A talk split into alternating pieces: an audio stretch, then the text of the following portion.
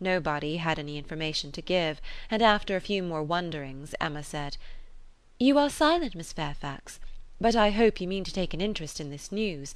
You who have been hearing and seeing so much of late on these subjects, who must have been so deep in the business on Miss Campbell's account, we shall not excuse your being indifferent about Mr. Elton and Miss Hawkins."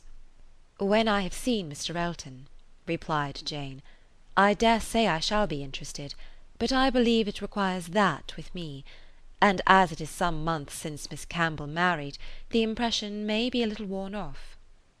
"Yes, he has been gone just four weeks, as you observe, Miss Woodhouse," said Miss Bates. "Four weeks yesterday. A Miss Hawkins!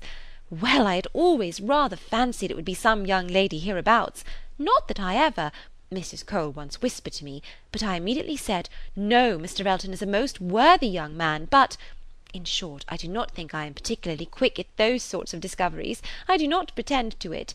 What is before me I see; at the same time nobody could wonder if Mr. Elton should have aspired oh, Miss Woodhouse lets me chatter on so good humouredly; she knows I would not offend for the world. How does Miss Smith do? She seems quite recovered now. Have you heard from Mrs. John Knightley lately? Oh, those dear little children! Jane, do you know I always fancy Mr. Dixon quite like Mr. John Knightley. I mean in person, tall and with that sort of look, and not very talkative." "Quite wrong, my dear aunt. There is no likeness at all." "Very odd; but one never does form a just idea of anybody beforehand. One takes up a notion and runs away with it. Mr. Dixon, you say, is not, strictly speaking, handsome?" "Handsome? Oh, no. Far from it; certainly plain. I told you he was plain."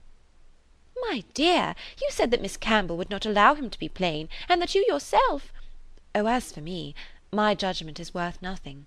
Where I have a regard, I always think a person well looking; but I gave what I believed the general opinion when I called him plain." "Well, my dear Jane, I believe we must be running away; the weather does not look well, and grandmama will be uneasy. You are too obliging, my dear Miss Woodhouse, but we really must take leave. This has been a most agreeable piece of news indeed. I shall just go round by Mrs. Cole's, but I shall not stop three minutes. And Jane, you had better go home directly. I would not have you out in a shower. We think she is the better for Highbury already. Thank you, we do indeed. I shall not attempt calling on Mrs. Goddard, for I really do not think she cares for anything but boiled pork. When we dress the leg it will be another thing. Good morning to you, my dear sir. Oh, Mr. Knightley is coming too. Well, that is so very I am sure if Jane is tired you'll be so kind as to give her your arm. Mr. Elton and Miss Hawkins, good morning to you." Emma, alone with her father, had half her attention wanted by him while he lamented that young people would be in such a hurry to marry, and to marry strangers too, and the other half she could give to her own view of the subject. It was to herself an amusing and a very welcome piece of news, as proving that Mr. Elton could not have suffered long. But she was sorry for Harriet. Harriet must feel it, and all that she could hope was, by giving the first information herself, to save her from hearing it abruptly from others. It was now about the time that she was likely to call. If she were to meet Miss Bates in her way and upon its beginning to rain, Emma was obliged to expect that the weather would be detaining her at Mrs. Goddard's, and that the intelligence would undoubtedly rush upon her without preparation. The shower was heavy, but short and it had not been over five minutes, when in came Harriet, with just the heated agitated look which hurrying thither with a full heart was likely to give, and the "Oh, Miss Woodhouse, what do you think has happened?" which instantly burst forth, had all the evidence of corresponding perturbation. As the blow was given, Emma felt that she could not show greater kindness than in listening; and Harriet, unchecked, ran eagerly through what she had to tell. She had set out from Mrs. Goddard's half an hour ago. She had been afraid it would rain; she had been afraid it would pour down every moment; but she thought she might get to Hartfield first. She had hurried on as fast as possible; but then as she was passing by the house where a young woman was making up a gown for her, she thought she would just step in and see how it went on; and though she did not seem to stay half a moment there, soon after she came out it began to rain, and she did not know what to do, so she ran on directly, as fast as she could, and took shelter at Ford's. Ford's was the principal woollen draper, linen draper, and haberdasher's shop united; the shop first in size and fashion in the place. And so there she had sat without an idea of anything in the world, full ten minutes perhaps, when all of a sudden who should come in to be sure it was so very odd, but they always dealt at Ford's who should come in but Elizabeth Martin and her brother. Dear Miss Woodhouse, only think! I thought I should have fainted. I did not know what to do. I was sitting near the door. Elizabeth saw me directly, but he did not. He was busy with the umbrella. I am sure she saw me, but she looked away directly and took no notice, and they both went to quite the farther end of the shop, and I kept sitting near the door. Oh dear, I was so miserable! I am sure I must have been as white as my gown. I could not go away, you know, because of the rain, but I did so wish myself anywhere in the world but there. Oh dear, Miss Woodhouse! Well, at last I fancy he looked round and saw me, for instead of going on with her buyings they began whispering to one another. I am sure they were talking of me, and I could not help thinking that he was persuading her to speak to me. Do you think he was, Miss Woodhouse? For presently she came forward, came quite up to me and asked how I did, and seemed ready to shake hands if I would. She did not do any of it in the same way that she used. I could see that she was altered. But however she seemed to try to be quite friendly, and we shook hands, and stood talking some time, but I know no more what I said. I was in such a tremble and I remember she said she was sorry we never met now, which I thought almost too kind. Dear Miss Woodhouse, I was absolutely miserable. By that time it was beginning to hold up, and I was determined that nothing should stop me from getting away, and then, only think, I found he was coming up towards me too, slowly, you know, and as if he did not quite know what to do, and so he came and spoke, and I answered, and I stood for a minute feeling dreadfully, you know, one can't tell how, and then I took courage and said it did not rain, and I must go, and so off I set.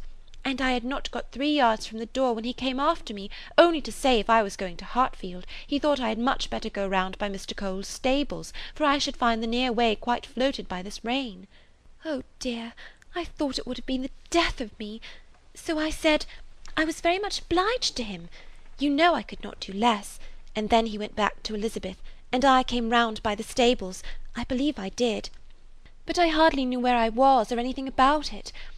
Oh, Miss Woodhouse, I would rather done anything than have it happen, and yet you know there was a sort of satisfaction in seeing him behave so pleasantly and so kindly, and Elizabeth too. Oh, Miss Woodhouse, do talk to me and make me comfortable again. Very sincerely did Emma wish to do so, but it was not immediately in her power. She was obliged to stop and think. She was not thoroughly comfortable herself. The young man's conduct, and his sister's, seemed the result of real feeling, and she could not but pity them. As Harriet described it, there had been an interesting mixture of wounded affection and genuine delicacy in their behaviour; but she had believed them to be well meaning, worthy people before, and what difference did this make in the evils of the connection?